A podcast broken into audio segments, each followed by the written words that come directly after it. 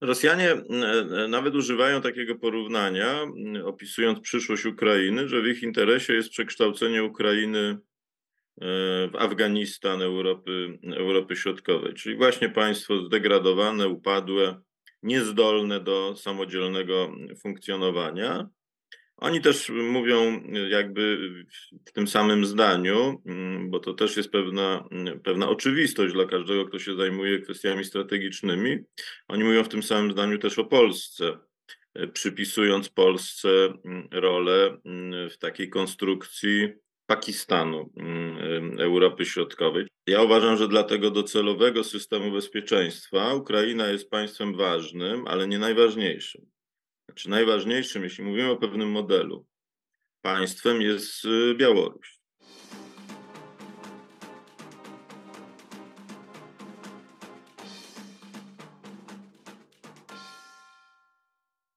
Dzień dobry Państwu. E, Paweł Kusiak i Łukasz Wyszyński witają serdecznie na kanale Stosunki Międzynarodowe Akademii Marynarki Wojennej. Wiele razy w naszych rozmowach i też w tych krótkich wstępach, które na początku robiliśmy, padało takie stwierdzenie, że y, rosyjska inwazja na Ukrainę, wojna na Ukrainie radykalnie y, przemodeluje architekturę bezpieczeństwa Europy y, Środkowo-Wschodniej. No i pod tą tezą ciągle się podpisujemy. Pozycja Polski w tym nowym porządku będzie odmienna. Trudno jest w tej chwili prognozować jaka, no ale trzeba y, to robić. No i będziemy próbowali o to zapytać naszego dzisiejszego gościa, którym jest pan Marek Budzisz, analityk, historyk, dziennikarz, publicysta, ekspert do spraw Rosji i sfery postsowieckiej. Ja ze swojej strony y, dodam, że taką inspiracją do tej rozmowy jest książka naszego dzisiejszego gościa pod tytułem Samotność strategiczna Polski. Kto nie czytał, polecam przeczytać z uwagą. Również polecam poprzednią książkę naszego gościa, wszystko jest wojną, wydaną jeszcze przed wojną, bo teraz już chyba możemy tak mówić, dzielić, dzielić tą, tą epokę po, po zimnowojenną na czas przed wojną na Ukrainie i po wojnie na Ukrainie. Y, panie Marku, witamy serdecznie, dziękujemy za przyjęcie zaproszenia. Dziękuję za zaproszenie, również witam. E, panie Marku, szanowni państwo, e, trwająca wojna na Ukrainie e, pozostawia w przestrzeni nie tylko medialnej, ale także w tej przestrzeni bardziej politycznej, eksperckie pytanie, jakie cele stawiała sobie Rosja przed rozpoczęciem wojny? I chyba pytanie ważniejsze, czy przebieg, to jak ta wojna e, wygląda na przestrzeni od momentu jej rozpoczęcia do dnia dzisiejszego, w jaki sposób zmieniła perspektywę Moskwy na to, co w wyniku tej wojny chciałaby osiągnąć. I to jest jakby pierwsza kwestia, o którą chciałbym Pana zapytać, to znaczy, jakie są w tej chwili aktualne kalkulacje kierownictwa strategicznego e, Rosji, o co w tej chwili prezydent Federacji Rosyjskiej gra? To jest bardzo obszerny temat, więc myślę, że tylko na, e, e, próbując precyzyjnie odpowiedzieć na to pytanie, moglibyśmy zapewne długi czas o tym debatować, ale w pewnym skrócie. Otóż Rosjanie mm, Kreml i, i przywództwo polityczne państwa rosyjskiego e, sformułowało pewien katalog celów o charakterze mm, geostrategicznym. E, mam tutaj na myśli, to zostało zwerbalizowane w tych e, propozycjach traktatów pokojowych, zarówno ze Stanami Zjednoczonymi, jak i, jak i z państwami NATO z grudnia roku 2021, ale wypowiedzi mm, samego Putina i przywódców państwa rosyjskiego też sekretarza Rady Bezpieczeństwa Patruszewa czy, czy, czy, czy, czy, czy innych polityków są dość spójne. I one pozwala, pozwalają rekonstruować te cele rosyjskie. W największym skrócie rzecz ujmując, one koncentrują się na kilku takich, powiedziałbym, trochę przypominających cebulę mm, obszarach. W samym, w samym jądrze tej, tych celów jest oczywiście odbudowa rosyjskich wpływów na, na Ukrainie i na Białorusi. E, to się zawiera w tym haśle odtworzenia ruskiego miru, ale tu niekoniecznie w grę wchodzą scenariusze takie proste, aneksyjne, chodzi po prostu o polityczne i wojskowe, bo te dwa obszary w rosyjskim myśleniu są zespolone, kontrolowanie obydwu tych, tych państw. To był taki cel jakby podstawowy, ale, ale nie, on był raczej narzędziem do realizacji kolejnego celu, a nie, a nie takim autotelicznym samym w sobie zamierzeniem. Narzędziem dlatego, że intencją Rosjan jest zmiana statusu bezpieczeństwa wszystkich państw Europy Środkowej, również i Bałkanów, tych, tych państw, które do NATO przystąpiły w roku 90, 97. Tutaj w największym skrócie rzecz ujmując, chodziło o to, żeby ten obszar miał inny status bezpieczeństwa bez stałej obecności sił natowskich i bez stałej, bez stałej obecności instalacji E, natowskich e, w, na tym terenie. E, I to był też, powiedziałbym, pewien wyższy poziom celów geostrategicznych. Tym najwyższym poziomem w gruncie rzeczy było dążenie do wypchnięcia Stanów Zjednoczonych z Europy. Tak interpretuję to żądanie, powtórzone zresztą wprost w czasie niedawnego wspólnego oświadczenia Putina i Xi Jinpinga, ażeby Stany Zjednoczone nie dyslokowały swojego potencjału jądrowego poza granice, mm, poza granice własnego państwa, co oznaczałoby konieczność wycofania e, amerykańskiego potencjału z Europy, zwinięcie, e, zwinięcie zwinięcie e, parasola jądrowego. Mówimy oczywiście o pewnych procesach E, dłuższych, nie, nie dziejących się w, w perspektywie tygodni, tylko, tylko nieco, nieco dłuższych o celach o charakterze strategicznym. Gdyby Rosjanom udało się tego rodzaju zmianę stanowiska czy zmianę polityki fundamentalnej, fundamentalną zmianę polityki amerykańskiej wymusić, no to temu też musiałoby towarzyszyć głębokie pęknięcie, jeśli chodzi o relacje atlantyckie bo wydaje mi się, że Rosjanie uważali, iż są w stanie pogłębiać pewne różnice między państwami europejskimi a Stanami Zjednoczonymi w tym, w tym obszarze. Jeżeli, jeżeli pozycja Stanów Zjednoczonych będzie mm, chwiejna i, i, i, i, i nie będzie tej determinacji, to, to, to ich zdaniem te podziały będą sposób naturalny się, się pogłębiały, zważywszy też na różnice interesów E, między Europą a Stanami e, Zjednoczonymi. A w związku z tym takie wypchnięcie, mm, e, mówiąc w pewnym skrócie, Ameryki z Europy oznaczałoby powstanie pewnej próżni bezpieczeństwa, zarówno w Europie Środkowej, jak i na całym kontynencie europejskim, którą to próżnię chcieli w ramach takiej koncepcji, nie nowej przecież, bo już formułowanej za czasów Gorbaczowa, wspólnego europejskiego domu, systemu bezpieczeństwa od Lizbony do Władywostoku, to tą próżnię chcieli y, wypełnić czy wy, wy, mm, zbudowy, zastąpić swoją obecnością wojskową Rosjanie. E, e, to paradoksalnie, y, odmiennie niż w przypadku Europy Środkowej, nie był scenariusz agresywnych działań, tylko raczej scenariusz pewnej wspólnoty interesów rosyjsko-zachodnioeuropejskich. I w takim już najdalej idącym myśleniu rosyjskich analityków czy specjalistów, tak jak ja starałem się rekonstruować te, te poglądy, e, taka budowana kooperacja e, między Rosją a Europą Zachodnią, gdzie jednym z elementów łączenia interesów, oprócz obszarów gospodarczych, miałoby być też, nazwijmy to, wspólne kontrolowanie przestrzeni środkowoeuropejskiej, no to ta oś, czy ta więź między Rosją a Europą Zachodnią miały też w dłuższej perspektywie równoważyć narastającą przewagę Chin. To, to, to, to w takim tandemie Rosjanie uważali, że są w stanie e, również e, nie rezygnując ze współpracy na kierunku indyjskim na przykład, e, że są w stanie równoważyć tą dysproporcję sił już wyraźnie widoczną przecież w Azji i w wymiarze, i w wymiarze globalnym. To był pewien plan geostrategiczny. Na Ukrainie Rosjanie uważali i, i tak zbudowali, tak rozwinęli swoje siły, e, uważali, że są w stanie przeprowadzić krótką operację w tym sensie, że nie, nie przypominającą obecnej, obecnej wojny. Byli zdania, iż system polityczny Ukrainy nie wytrzyma tej presji e, wojskowej, którą oni e, uruchomili, iż tam nastąpią przewartościowania polegające na tym, że mm, część dowództwa ukraińskich sił zbrojnych jakby odmówi współpracy z Zełenskim. No również nie będąc usatysfakcjonowanym polityką Zełenskiego przed wojną, bo przecież on jeszcze w roku 2021 redukował wydatki na, na, na siły zbrojne. No i Rosjanie też oczywiście operując pewnymi skrótami uważali, że w Kijowie nastąpi w pierwszych dniach wojny prorosyjski przewrót polityczny i to się system dowodzenia i system podejmowania decyzji zacznie się załamywać w takiej sekwencji kaskadowej, co zresztą udało im się na przykład na południu, bo tak to tam w istocie e, wyglądało. Podobne scenariusze były zarówno jeśli chodzi o kierunek kijowski, jak i o kierunek charkowski.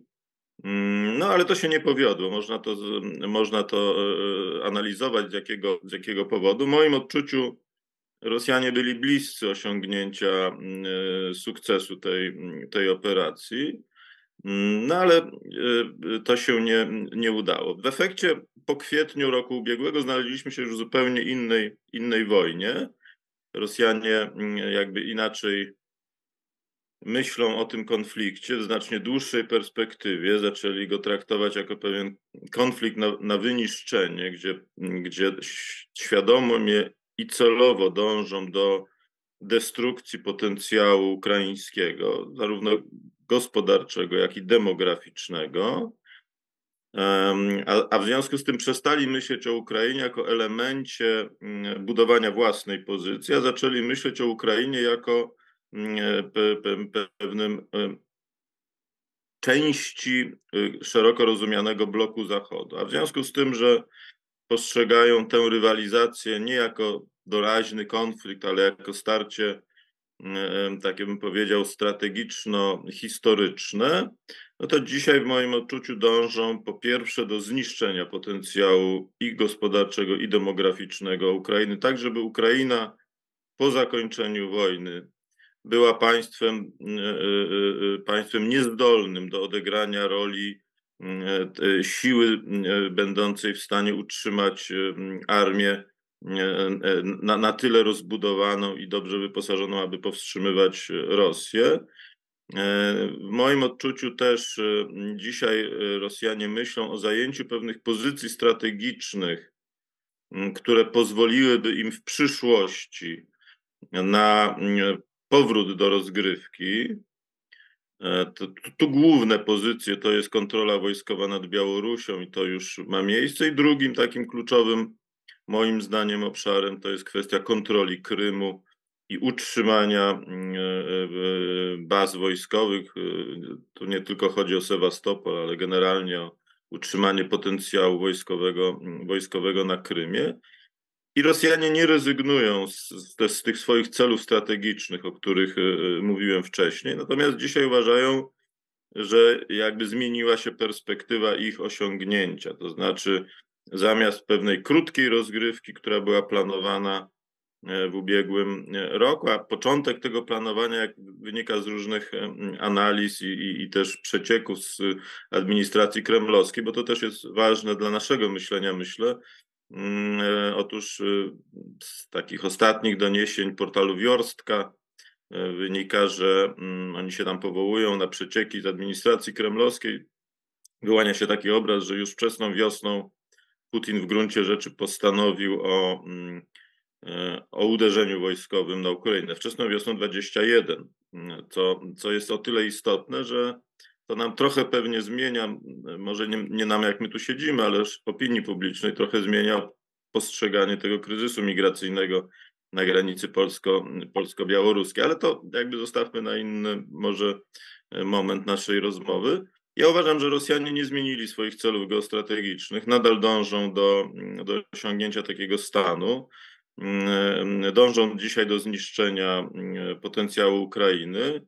Uważają, że dzisiaj to, co są w stanie osiągnąć, to jest pewien model zamrożenia konfliktu z utrzymaniem strategicznie istotnych pozycji na Białorusi na, i na Krymie. I uważają, że są w stanie w takiej dłuższej perspektywie pytanie, jak długiej, bo to, to jest kwestią też dyskusji, jakby zrealizować ten, ten, ten swój plan. A zatem wojna zmieniła swój charakter, cele doraźne też uległy zmianie, bo już nie chce się Ukrainy pozyskać, a chce się ją zniszczyć. To jest dość zasadnicza różnica, ale w takim wymiarze generalnym Rosjanie się przygotowują na długi konflikt liczony w dziesięcioleciach. No, to, co Pan mówi, nie napawa optymizmem, no ale nie jesteśmy po to, żeby poprawiać humor, ale chciałbym dopytać w tym kontekście, czy poza mm, implozją wewnętrzną, załamaniem się rosyjskiego systemu politycznego, reżimu politycznego, jakkolwiek to zdefiniujemy, istnieje inny scenariusz, w którym Rosja redefiniuje te cele geostrategiczne, e, o których Pan przed chwilą powiedział, czy jednak jesteśmy skazani no po prostu na tą nową, zimną wojnę i, oczeki- i długo, może pokoleniową albo kilkupokoleniową rozgrywkę, która znowu zakończy się, no, no tak jak zakończyła się poprzednia, no trochę nieprzewidzianie. No to musielibyśmy zacząć mówić o mm, scenariuszu polityki wobec Rosji, również i polskiej polityki wobec Rosji. Bo ja mam takie wrażenie, że my mm, dość życzeniowo zakładamy, iż w interesie Polski jest y, rozpad Rosji. I uważamy, że mm, Rosja sprowadzona do rozmiarów y, Wielkiego Księstwa Moskiewskiego jest Rosją, y, która, która już nie będzie Polsce zagrażała i w związku z tym to jest scenariusz korzystny z naszej perspektywy. Takie mam wrażenie, ale może, może się mylę. Tak odczytuję nastawienie naszej opinii publicznej. Otóż ja uważam, że co najmniej z kilku powodów to jest scenariusz niepożądany dla Polski, a nawet powiedziałbym sprzeczny z polskimi interesami. No, po pierwsze, to właściwie mogłoby już przesądzić kwestię. To nie jest scenariusz, na który stawiają nasi sojusznicy, w tym sojusznik amerykański. Oni mianowicie, tak jak ja śledzę debatę amerykańską, a staram się robić to bardzo uważnie. Oni uważają, że rozpad Rosji e, mm, jest pewnym scenariuszem doraźnie bardzo groźnym, ze względu choćby na potencjał jądrowy, e, który e, może się znaleźć w niepowołanych rękach. A pamiętamy politykę Stanów Zjednoczonych po rozpadzie ZSRR. To, to ten rozpad ZSRR był rozpadem mm, polityczno-pokojowym. Temu nie towarzyszyły znaczące konflikty, może poza pewnymi regionalnymi starciami w Naddniestrzu czy, czy w Abchazji. Natomiast główną troską wówczas Waszyngtonu było to, żeby potencjał jądrowy Związku Sowieckiego nie znalazł się w rękach państw, które oni postrzegali jako, jako potencjalnie niestabilne i, i, i, trudne, jeśli chodzi o możliwość kontrolowania ich, ich polityki. No to w związku z tym, jeśli tego rodzaju e, zapatrywania miały miejsce w sytuacji, kiedy Amerykanie triumfowali w zimnej e, wojnie, doprowadzając do e, właśnie implozji swojego przeciwnika, to tego rodzaju rachuby będą jeszcze silniejsze, jeżeli byśmy mieli do czynienia z, z, ze scenariuszem dezintegracji wewnętrznej Federacji Rosyjskiej, bo ta nieobliczalność tego procesu, przecież to się nie stanie w ciągu jednej nocy, jest niesłychanie groźna. Ona jest groźna nie tylko w tym wymiarze jądrowym, ale również w wymiarze destabilizacyjnym.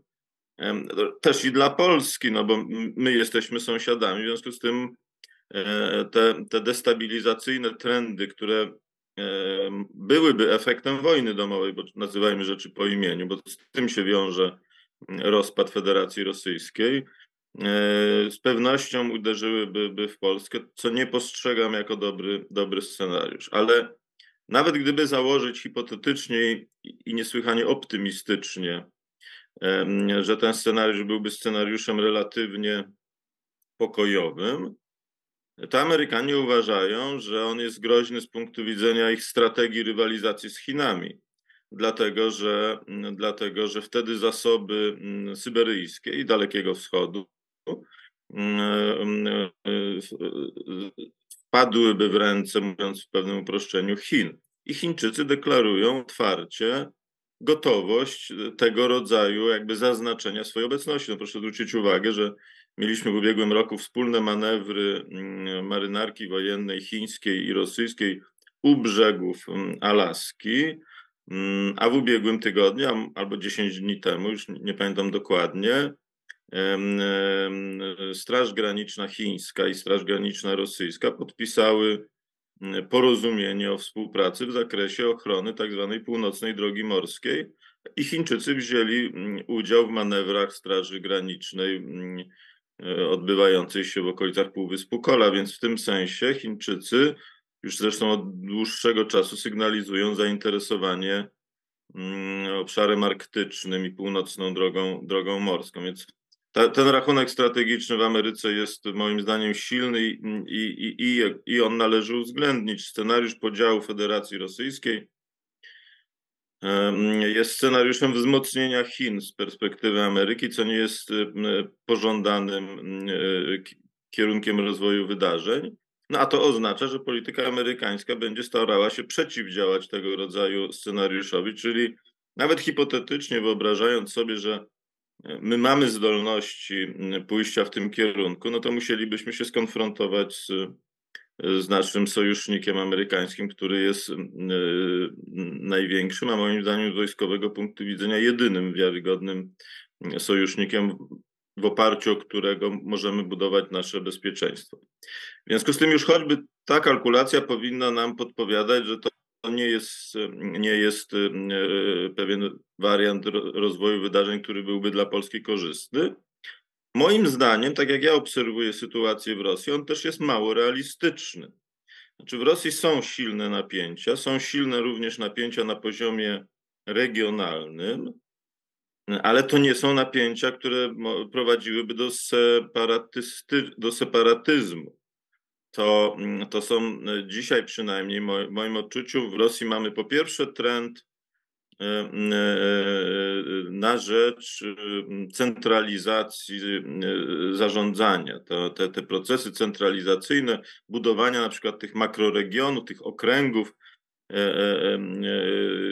których szefowie są bezpośrednio podporządkowani mm, Kremlowi, no ale też i działania zmierzające do ograniczenia stopnia mm, autonomii niektórych y, republik. No na przykład bardzo to wyraźnie widać na przykładzie Tatarstanu, który za czasów Jelcyna uzyskał, mm, uzyskał dużą dozę samodzielności. Dzisiaj trend, jeśli chodzi o centrum władzy, idzie w drugą stronę i te napięcia które są y, między regionami a, a Moskwą, one w gruncie rzeczy dotyczą, moim zdaniem, nie, nie są pochodną dążenia do uzyskania samodzielności, tylko one są pochodną pewnej rozgrywki o ograniczone środki, również, również budżetowe, bo y, Federacja Rosyjska, ile ja dobrze pamiętam, ma 95 podmiotów y, wchodzących w jej, w jej skład, a tylko sześć bodajże to są podmioty, które zaopatrują, tak można byłoby powiedzieć, budżet federalny. Pozostałe to są biorcami,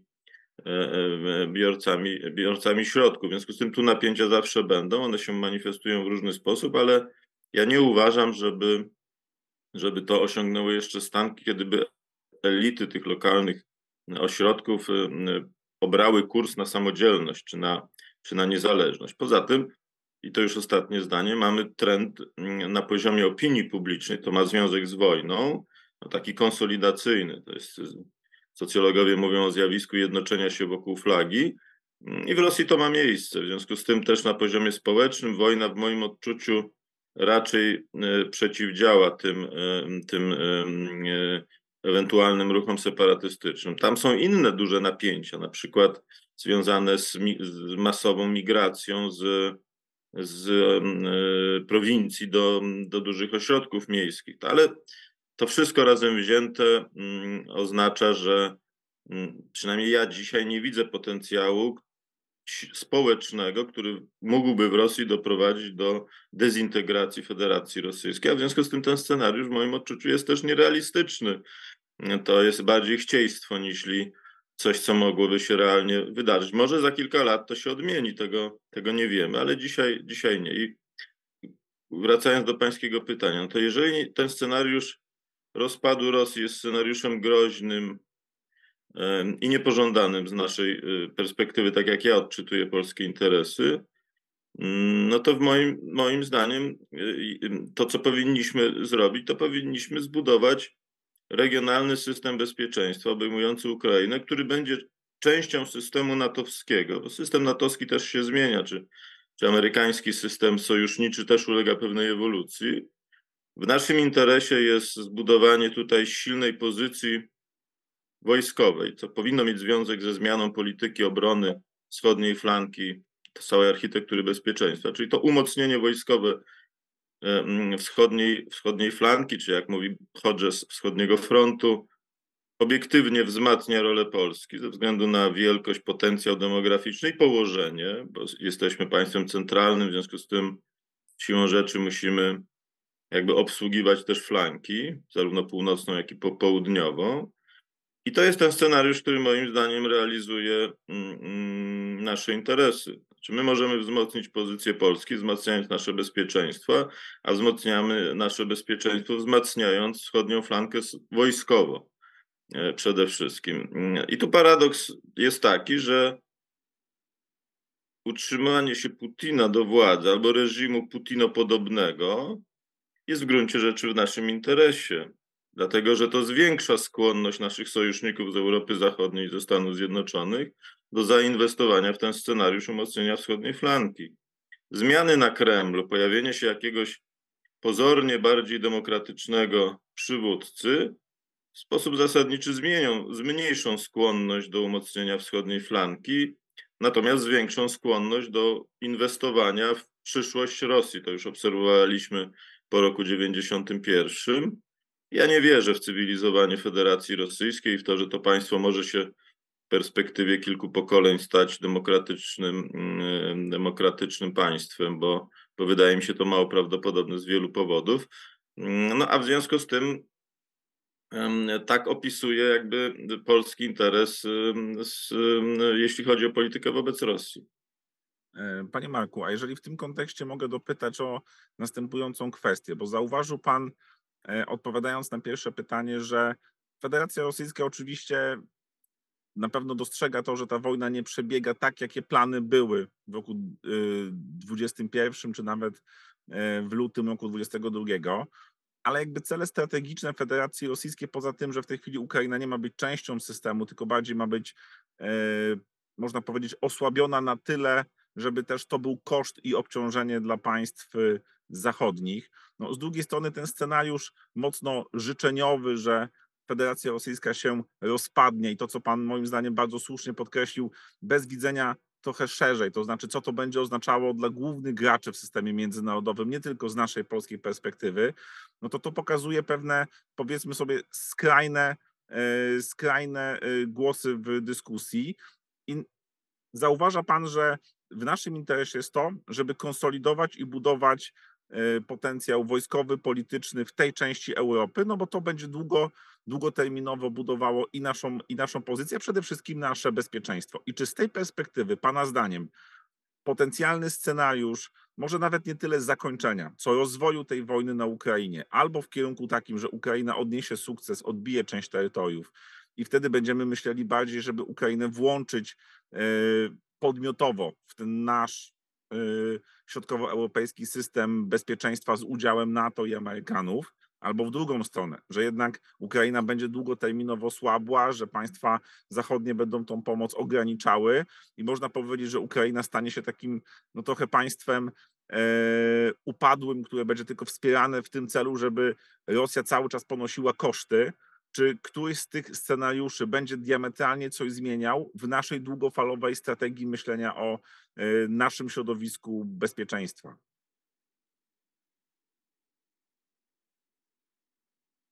Rosjanie e, nawet używają takiego porównania, opisując przyszłość Ukrainy, że w ich interesie jest przekształcenie Ukrainy e, w Afganistan Europy, Europy Środkowej, czyli właśnie państwo zdegradowane, upadłe, niezdolne do samodzielnego funkcjonowania.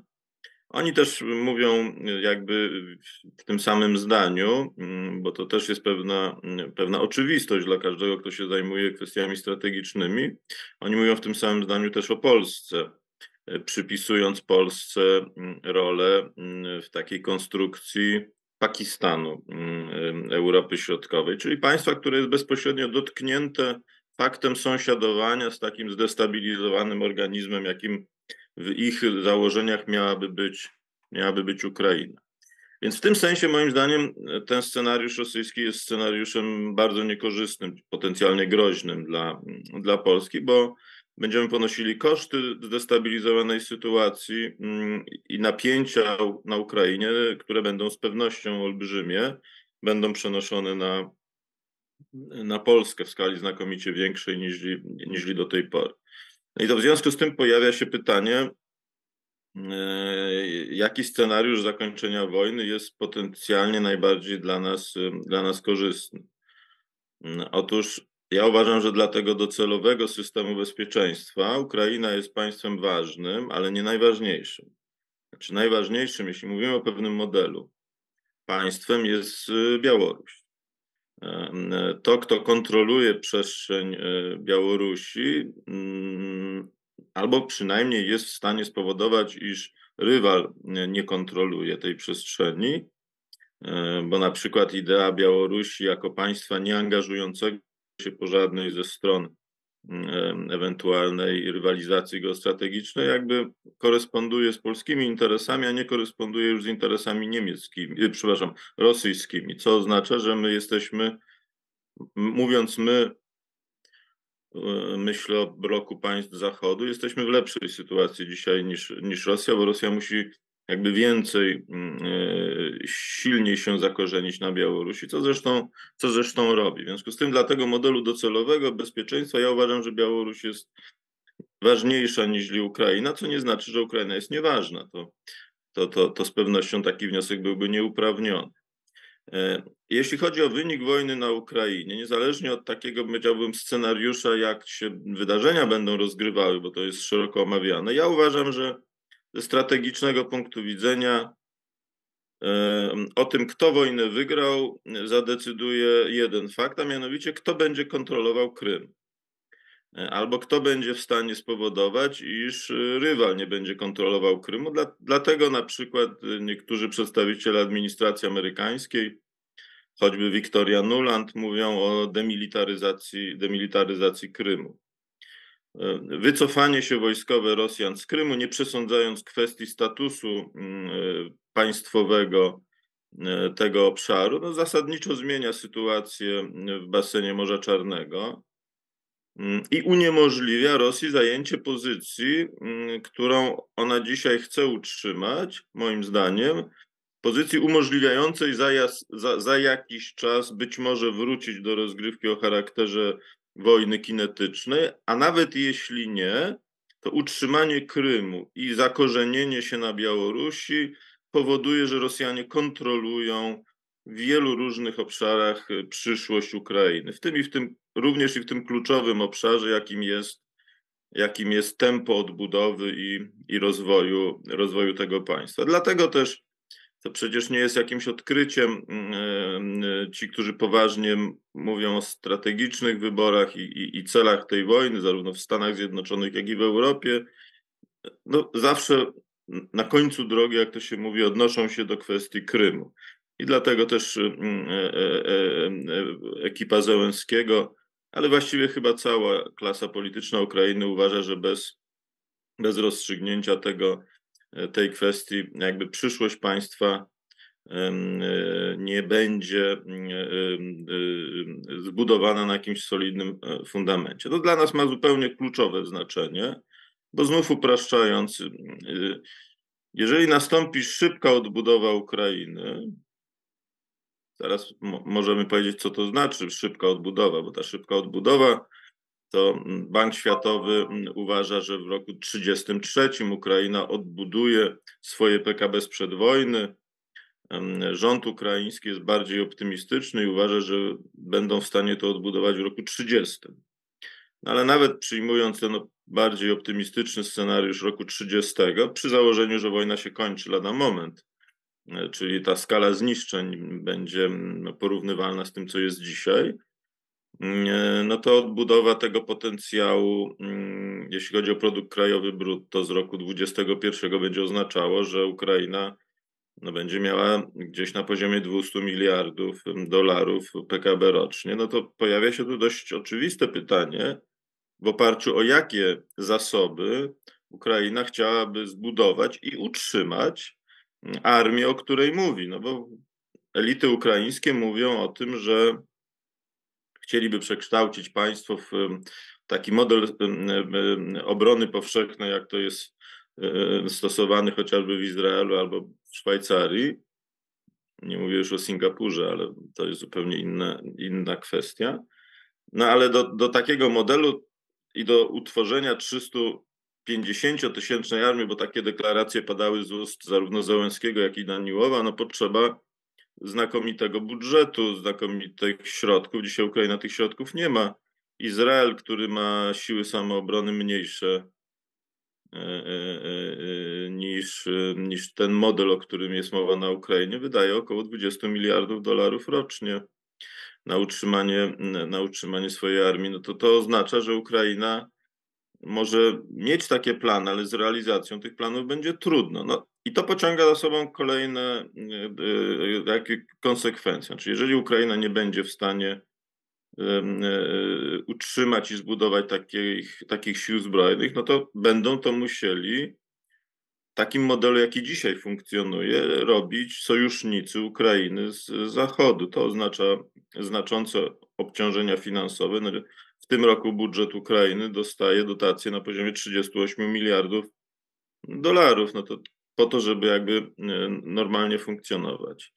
No ale jeżeli mm, skłonność sojuszników do dotowania, właściwie utrzymywania czy współutrzymywania armii ukraińskiej nie będzie tak duża, jakby się to, tego oczekiwało, no to Ukraina nie będzie odgrywała roli, o której się w Polsce mówi, czyli państwa w gruncie rzeczy buforowego, takiego, który będzie zdolny do uprawiania polityki odstraszania Rosji, ewentualnie przyjęcia e, e, pierwszego uderzenia. No jeżeli nie zbuduje takich sił, jakich, o jakich jest mowa, to ta polityka odstraszania będzie polityką mniej skuteczną, a zatem perspektywa wojny będzie bliższa niż, niż nam się wydaje. No a to z kolei pociąga za sobą kolejną, kolejne konsekwencje. No jeżeli Ukraina nie będzie w stanie takiej armii mm, odtworzyć, no to będziemy musieli my więcej jako państwo przyfrontowe przeznaczyć na, na, na wojskowe umocnienie e, naszego regionu. No, to są dość w moim odczuciu oczywiste relacje. Wydaje mi się, że nie, nie do końca polska opinia publiczna zdaje sobie sprawę z, z tych wyborów, przed którymi stoimy, no ale trzeba o tym, o, o, tym mówić. A w związku z tym, no ja tak, tak, tak sprawę widzę, to, to jest wszystko pewne kontinuum. No właśnie o to bym chciał dopytać, bo tak jak Pan y, zauważył, y, no, y, ta rzeczywistość wokół nas zmienia się szybko, a będzie zmieniała jeszcze szybciej. W tym momencie wydaje się, że w polskich elitach politycznych, myślę tutaj bardzo szeroko o, o nich, panuje konsensus co do tego, że strategiczną, egzystencjalnym no, kwestią dla Polski jest wspieranie przetrwania Ukrainy, ale w długiej perspektywie, niezależnie który z tych wariantów, które Pan nakreślił, się zrealizuje, bo mniej więcej, jeżeli tak będzie rzeczywiście, że ten konflikt będzie trwał bardzo długo, będzie yy, zwiększała się i zmniejszała jego intensywność, będzie taka bałkanizacja, czy może a w lepszym wariancie koreanizacja troszeczkę tego, tego e, przepraszam, nie bałkanizacja, palestynizacja miałem na myśli, czy, czy, czy w lepszym wariancie koreanizacja, czyli większa formalizacja jakiegoś takiego yy, bardziej trwałego rozejmu, ale napięcie będzie cały czas, do tego mamy czynnik białoruski. I teraz pytanie, co to dla Polski oznacza? To znaczy, czy w Pana ocenie, nie chcę może wchodzić głęboko w politykę wewnętrzną, ale polityka zagraniczna i wewnętrzna są, są sprzężone. Czy to oznacza trans głęboką transformację i naszego myśl, kultury strategicznej w długiej perspektywie, w krótkiej perspektywie systemu politycznego, militaryzację państwa, no i konsekwencje wynikające z tejże militaryzacji dla, dla struktury gospodarczej, dla, dla funkcjonowania społeczeństwa. I yy, jak, pan, jak pan sądzi, na co my się powinniśmy w tej nowej, zimnej wojnie Y, która chyba najbardziej prawdopodobne jest, że, że, że teraz się petryfikuje, y, na co my powinniśmy być przygotowani. No ja obserwując debatę publiczną w Polsce, mam takie wrażenie, że u nas jest pewna luka między deklaracjami co do celów i opisem narzędzi, które powinniśmy zbudować, żeby te cele osiągnąć. I ta luka jest dość niepokojący, a dlatego, że na poziomie opinii publicznej buduje się takie, bym powiedział, taki obraz zmian w pożądanym kierunku, E, no ale mam wątpliwości, czy my jesteśmy w stanie mm, podjąć decyzje, które realnie przybliżają nas do tego modelu docelowego. No na przykład, jeżeli mówi się o zmianie systemu obrony wschodniej flanki NATO z tego dotychczasowego systemu opartego o siły w gruncie rzeczy Tripwire Forces, e, wiadomo jakie to pociągało za sobą konsekwencje co do prawdopodobnych scenariuszy wojny, wojny z Rosją na rzecz systemu, powiedziałbym, mieszanego polityki odstraszania i powstrzymywania. E, no ale nawet ten mieszany system, on zakłada znaczące zwiększenie obecności wojskowej na wschodniej flance, co tym bardziej jest e, e, wymuszone faktem, że granica NATO z Federacją Rosyjską wraz z akcesją e, Finlandii uległa podwojeniu. Już w ogóle nie mówię o kwestii Białorusi, no ale jesteśmy prawie w przeddzień e, opublikowania nowej doktryny obrony państwa związkowego Rosji i Białorusi. Z przecieków, e, z deklaracji zarówno Łukaszenki, jak i Szojgu wynika, że ta doktryna jakby zmienia status Białorusi. Białoruś ma być traktowana jako część obszaru Federacji Wojskowego, Wojskowej, Federacji Rosyjskiej z wojskowego punktu widzenia, co, co też oczywiście powoduje wydłużenie granicy e, między, Białoru- między NATO a, e, a światem rosyjskim, tak to, tak to nazwijmy. E, I teraz zacznijmy od tego scenariusza, który Pan określił mianem pozytywnego, czyli koreanizacja konfliktu. Ja już w maju ubiegłego roku pisałem o tym, że w moim odczuciu to, to jest najbardziej prawdopodobny scenariusz rozwoju wydarzeń i, i dzisiaj podtrzymuję ten, ten pogląd. Mm, no, tylko, że stabilizacja linii rozgraniczenia w Korei jest możliwa dzięki dwóm przynajmniej decyzjom. Po pierwsze, Amerykanie dyslokowali do Korei znaczący potencjał wojskowy i utrzymują go od 70 już lat. To jest przecież 30 bodajże, ile dobrze pamiętam, tysięcy żołnierzy e, stale stacjonujących w Korei obecnych, no bo to, to nie, nie, nie przesądzam kwestii stałości czy rotacyjności, to jest jakby zupełnie inna, inna historia. Co wydaje mi się, dzisiejsze zaangażowanie Stanów Zjednoczonych w, w, w Polsce jest na znacznie przecież mniejszym poziomie i ja nie, nie odbieram sygnałów po stronie amerykańskiej, ażeby oni rozpatrywali y, skokowe zwiększenie obecności swoich sił lądowych y, mm, czy Marines w, w, w, mm, w Polsce, nie mówiąc już o Ukrainie. To jest w ogóle, musielibyśmy otworzyć y, osobne, osobną kwestię, mianowicie zapytać, jak kryzys rekrutacyjny w amerykańskiej armii będzie w, w kolejnych latach wpływał na gotowość Stanów Zjednoczonych do dyslokowania znaczących sił do Europy Środkowej. Odsuwam w ogóle na bok sprawę Tajwanu. E, moim zdaniem ten kryzys rekrutacyjny no nie będzie zwiększał skłonności do wykonania tego rodzaju ruchów, niezależnie od ocen, od ocen politycznych.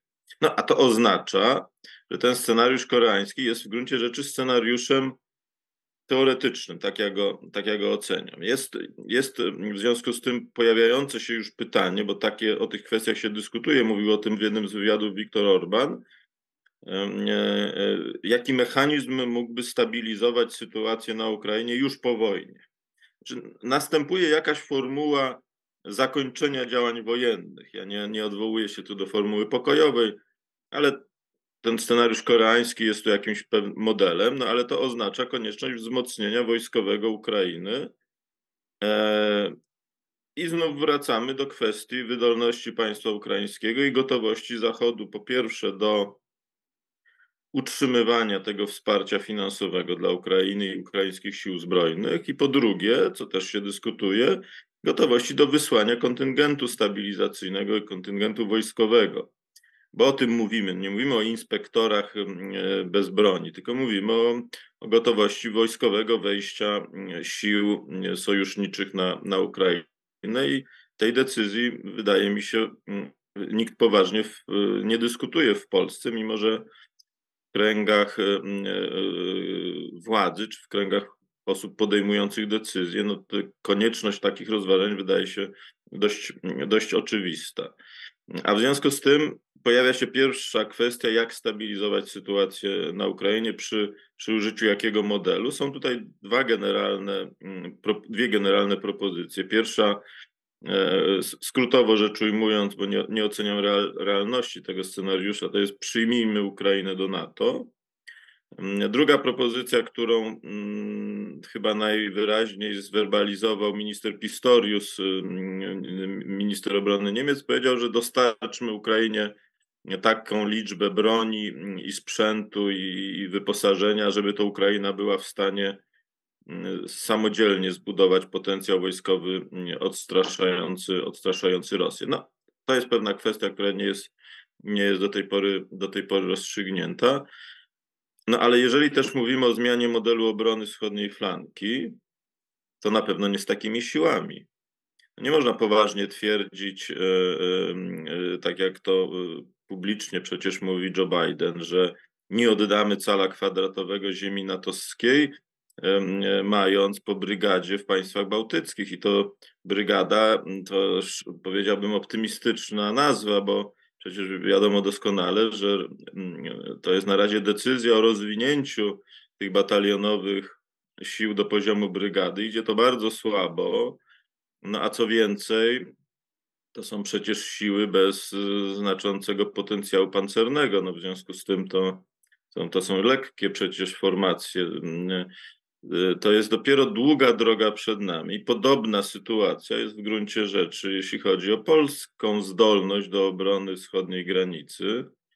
Ja nie rozstrzygam kwestii, czy jest rzeczą dobrą myślenie o tym, że powinniśmy dążyć do takiego modelu bitwy granicznej jak w 1939 roku. To jest kwestia zupełnie inna, ale nie ulega wątpliwości, że zmiana formuły obrony wschodniej flanki NATO zmusza do zbudowania znacznie większych sił. No nie, nie, nie takich, jakimi dzisiaj Polska dysponuje, mając różne są szacunki, powiedzmy 120 tysięcy, 120 tysięczną armię i 58 tysięcy w siłach, w siłach lądowych, z tego co ja, co ja pamiętam. No to, to, to takimi siłami na pewno nie, nie realizuje się obrony wschodniej flanki, o której, o której dzisiaj mówimy. No a to oznacza postawienie trudnego, ale dość oczywistego pytania. To, jak wygląda polski potencjał demograficzny? Jaka jest skłonność młodych Polaków do mm, e, wybrania mm, ścieżki mm, e, życiowej, e, zawodowego żołnierza? Czy przy takiej skłonności w ogóle jesteśmy w stanie zbudować armię, o której jest, o której jest mowa? No ja mówię o realnym potencjale, a nie o sztuczkach statystycznych, bo to, że się sztuczki różne robi, to wszyscy rządzący starają się nieco za pokazać rzeczywistość w lepszych e, barwach niż ona wygląda. Ja mówiłem o tym na, na naradzie w BBN i podtrzymuję ten pogląd, a mianowicie bez wprowadzenia w Polsce modelu powszechnego systemu obrony, Ostatnio Łotwa wprowadziła taki system. Odwołam się tutaj do tego przykładu, bo on jest dobry. To nie znaczy powszechna służba wojskowa, bo u nas często się myli te dwa pojęcia, ale to oznaczy, oznacza pewien prawny porządek, który będzie e, nie tyle zmuszał, co umożliwiał e, wszystkim obywatelom e, Polski, niezależnie od płci, przysporzenie się, przysporzenie czy, czy, czy, czy, czy działanie na rzecz bezpieczeństwa Polski w różnego rodzaju formacjach, w zależności od tego, jakiego oni dokonają wyboru. I uważam, że o tym powinniśmy zacząć poważnie dyskutować, bo to jest trudna decyzja w demokracji.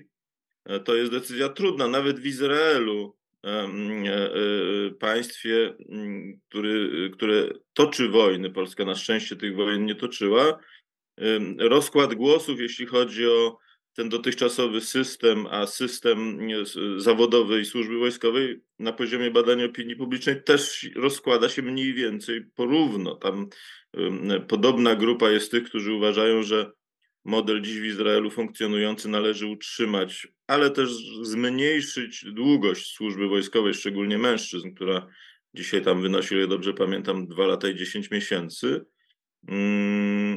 Na rzecz rozwiązań nieco bardziej elastycznych, tak to, tak to określmy. Polska nie uniknie tej dyskusji. Znaczy, jeżeli chcemy mówić o nowym modelu obrony, jeżeli chcemy mówić o nowym systemie bezpieczeństwa, o polityce powstrzymywania Rosji, o nowej roli Ro Polski jako państwa takiego, powiedziałbym, kluczowego w, tym, e, w tej konstrukcji, mm, no i jeżeli chcemy poważnie mówić o zbudowaniu sił zbrojnych na poziomie 300 tysięcy, e, e, mówię o stanie kadrowym, no to tego nie zrobimy e, przy obecnym systemie. To jest niemożliwe. To, to, to, to, to prosta analiza danych demograficznych pokazuje, że, że to jest po prostu nierealne. No, a w związku z tym politycy i opinia publiczna musi zacząć poważnie dyskutować, bo tego rodzaju decyzja tym bardziej w tym systemie obrony powszechnej, powszechnego zaangażowania na rzecz obronności w różnych formach, niekoniecznie tylko służby wojskowej, to ta decyzja rzeczywiście przebudowuje system funkcjonowania państwa polskiego również w wymiarze społecznym. To jest militaryzacja państwa polskiego i ja uważam, że, no, że to jest ten kierunek, który my powinniśmy wybrać świadomie, też y, dokonując pewnych wyborów, bo to są decyzje co do alokacji środków budżetowych i to znaczących, właśnie na rzecz tego rodzaju, tego rodzaju polityki. Bo to też oznacza konieczność rezygnacji z jakichś tam celów, nie wiem, polityki redystrybucyjnej czy socjalnej. No nie można mieć i tego, i tego. To tak się po prostu nie da, to jedynie, jedynie w, w marzeniach. No i ja mam wątpliwość, czy my jako społeczeństwo dorośliśmy do prowadzenia tej dyskusji. To, co mnie martwi, to to, że sytuacja w zakresie bezpieczeństwa jest, jakby te, te zmiany są dramatyczne, zarówno jeśli chodzi o tempo, jak i głębie, no a nasze reakcje są mm, już nieadekwatne. To znaczy, w niektórych kwestiach Moim zdaniem my pozorujemy działania, a nie działamy realnie na rzecz zwiększenia bezpieczeństwa państwa polskiego. E, czyli można wyciągnąć jakby taką generalną konkluzję, że e, z polskiej perspektywy to, o czym mówimy najwięcej, czyli modernizacji technicznej, posiadania pewnych zdolności, dostarczania pewnych systemów, to oczywiście jest po pierwsze koszt finansowy, po drugie to jest pewna trudność z uzyskaniem tego, wdrożeniem, zaimplementowaniem, ale wychodzi, że to jest tylko jedna noga tak naprawdę naszego bezpieczeństwa, bo musimy mieć tak naprawdę i społeczeństwo, i ludzi, którzy będą gotowi do tego, żeby w dłuższej perspektywie czasu e, zaangażować się w polski system e, obronny. I to jest niewątpliwie perspektywa myślenia bardziej strategicznego. I tutaj, tak jak pan e, zauważył, wymaga no, szerszej debaty publicznej nie tylko o kwestiach stricte obronnych, ale także edukacyjnych, gospodarczych, społecznych i prawnych. I mam wrażenie, że jakby no cała nasza dyskusja dotyka właśnie takiej problematyki strategicznej, ale Panie Marku, jeżeli mogę na koniec zapytać o kwestię bardziej tu i teraz, ponieważ naszą rozmowę nagrywamy 12 maja i e, pojawia się dużo informacji medialnych. Co ciekawe, nawet e, większość z nich pochodzi ze strony rosyjskiej, dotyczącej tego, że e, strona ukraińska najprawdopodobniej rozpoczęła jakąś operację zaczepną. Część osób używa właśnie y, pojęcia kontrofensywy. Czy Pana zdaniem, może nawet nie tyle, czy ta kontrofensywa jest, ale jakie są oczekiwania wobec tej kontrofensywy w Kijowie, w Moskwie, no i też w stolicach państw zachodnich?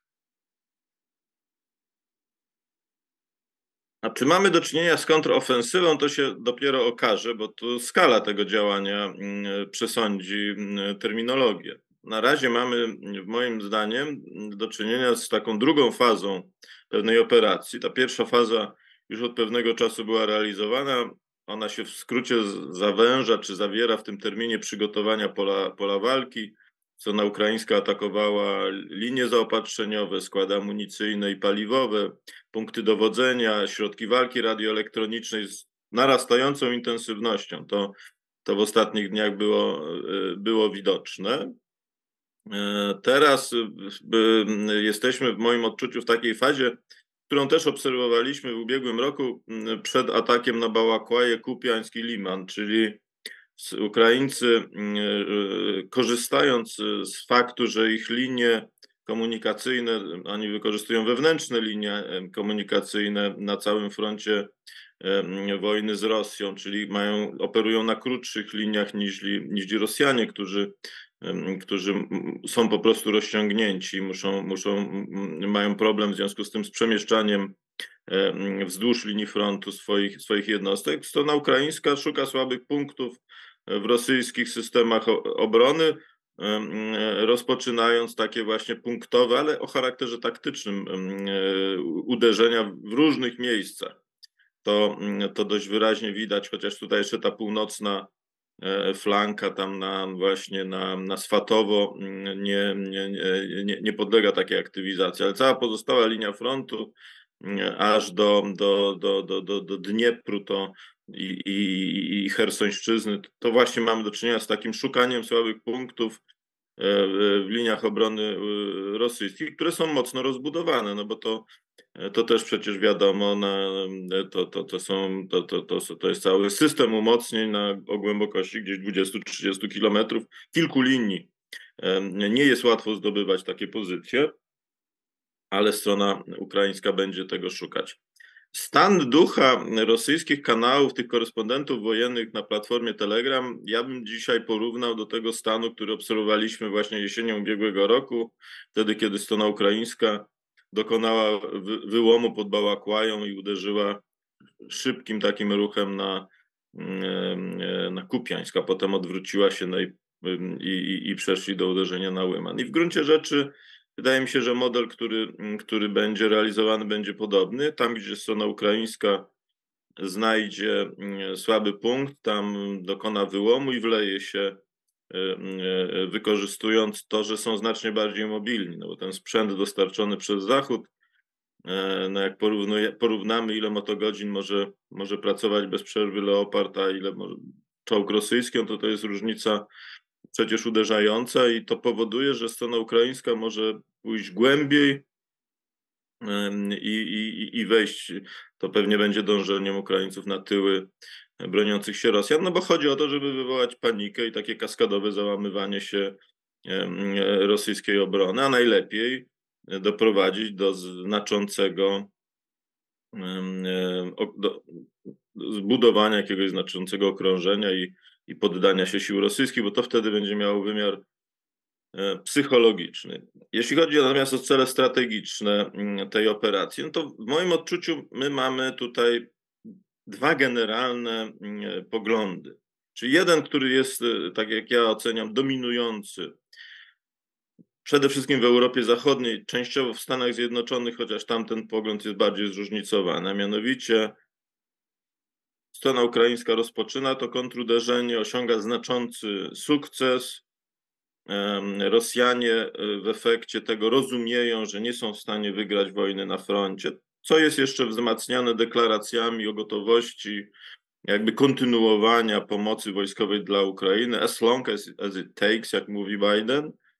Mm, a z kolei Rosjanie stoją przed trudną polityczną decyzją ogłoszenia kolejnej fali y, mobilizacji. Oni poczynili przygotowania w tym zakresie, zmienili system informowania o, o poborze po to, żeby to usprawnić i, i ułatwić, ale sama decyzja jest politycznie trudna. Pamiętajmy, że w Rosji w przyszłym roku są wybory, w związku z tym prezydenckie, w związku z tym to, to, ma, to, ma, to ma znaczenie. W świetle tej w świetle tej kalkulacji kolejny duży, znaczący, jak duży, tego, tego nikt nie jest w stanie określić, sukces strony ukraińskiej powinien doprowadzić do rozmów pokojowych, jakiejś formuły zakończenia, e, zakończenia wojny.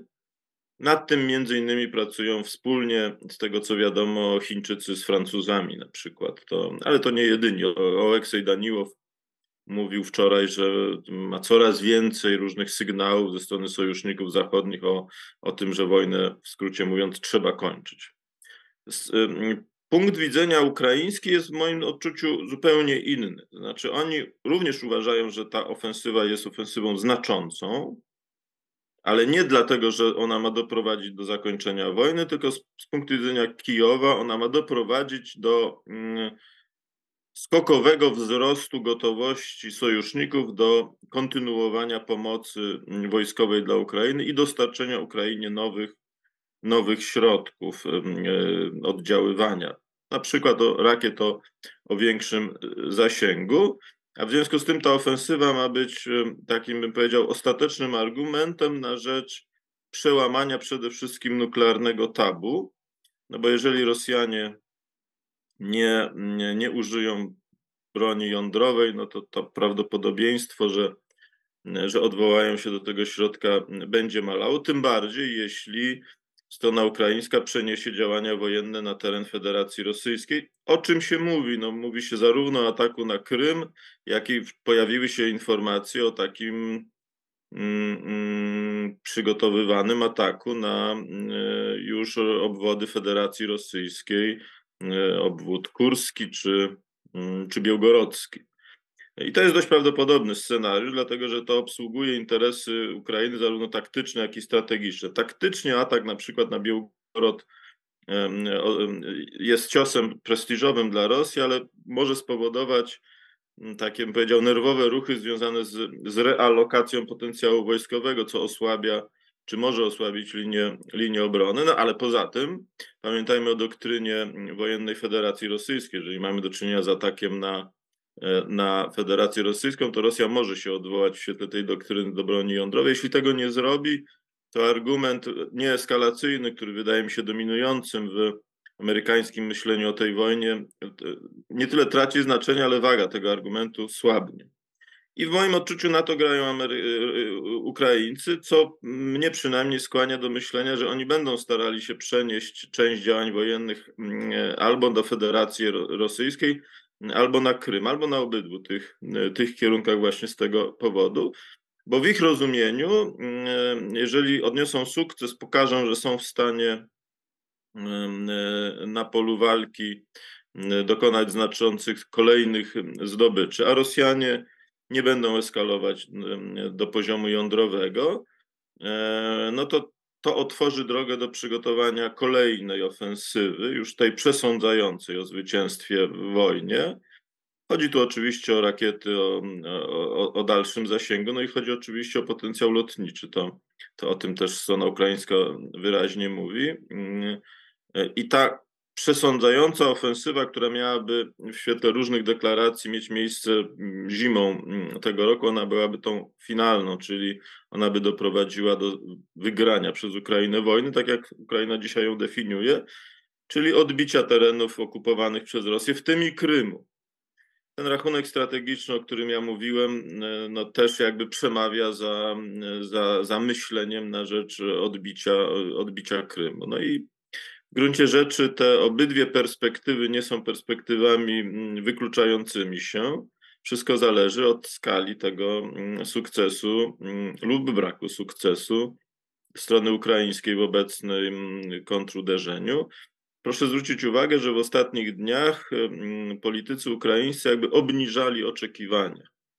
Zarówno mieliśmy do czynienia z wypowiedziami Zełenskiego, jak i z wypowiedziami Daniłowa i ministra Reznikowa, który którzy mówili, że no tutaj trudno spodziewać się takich efektów jak, jak jesienią ubiegłego roku. No to jest dość jasny i czytelny zabieg. Im się ma mniejsze oczekiwania, tym sukces lepiej smakuje, mówiąc w pewnym, w pewnym skrócie, co sprzyja tej strategii ukraińskiej. Z kolei jak się ma zbyt duże oczekiwania, to nawet znaczący sukces może być nie, nieadekwatny do oczekiwań, co z kolei sprzyja tej strategii szybkiego zakończenia wojny. I dlatego Dlatego Ukraina, e, e, deklarując, e, czy w wypowiedziach swoich liderów, obniża te oczekiwania Zachodu. Ale to nie zmienia faktu, że wszystko zależy od tego, co się stanie na froncie i co generałowie Załużny, Syrski, a ja jestem ciekaw, co wymyślił generał Zabrocki, znany ze swojego długiego rajdu. To, to jest bardzo ciekawa postać i wydaje mi się, że jego nominacja na zastępcę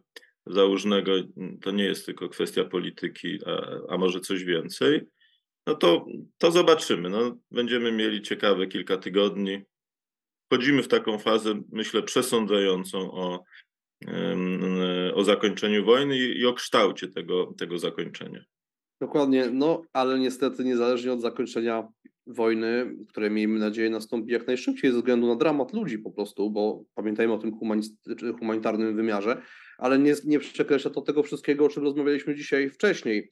No jakbym chciał spróbować tak jednym zdaniem, y, czy, y, czy w skrócie podsumować to, o czym mówiliśmy, e, konkluzję główną tego, o czym mówiliśmy, to jest taka, że no w naszym regionie świata, w Europie Środkowo-Wschodniej historia się y, nawiązując do słynnego statusu Fukuyamy, ponownie zaczęła i to zaczęła się tak gwałtownie i zaczyna pędzić i musimy się na to przygotowywać wszyscy na poziomie chyba nawet mentalnym, y, a później dopiero na poziomie politycznym. Drodzy Państwo, naszym gościem był Pan Marek Budzisz. Zapraszam do komentowania tego materiału, podawania go dalej, dzielenia się swoimi opiniami na nasze kolejne rozmowy, do subskrybowania kanału. Panie Marku, jeszcze raz Panu dziękuję za tą e, wspaniałą dziękuję. rozmowę i Pana czas. Dziękuję bardzo, dziękuję za zaproszenie.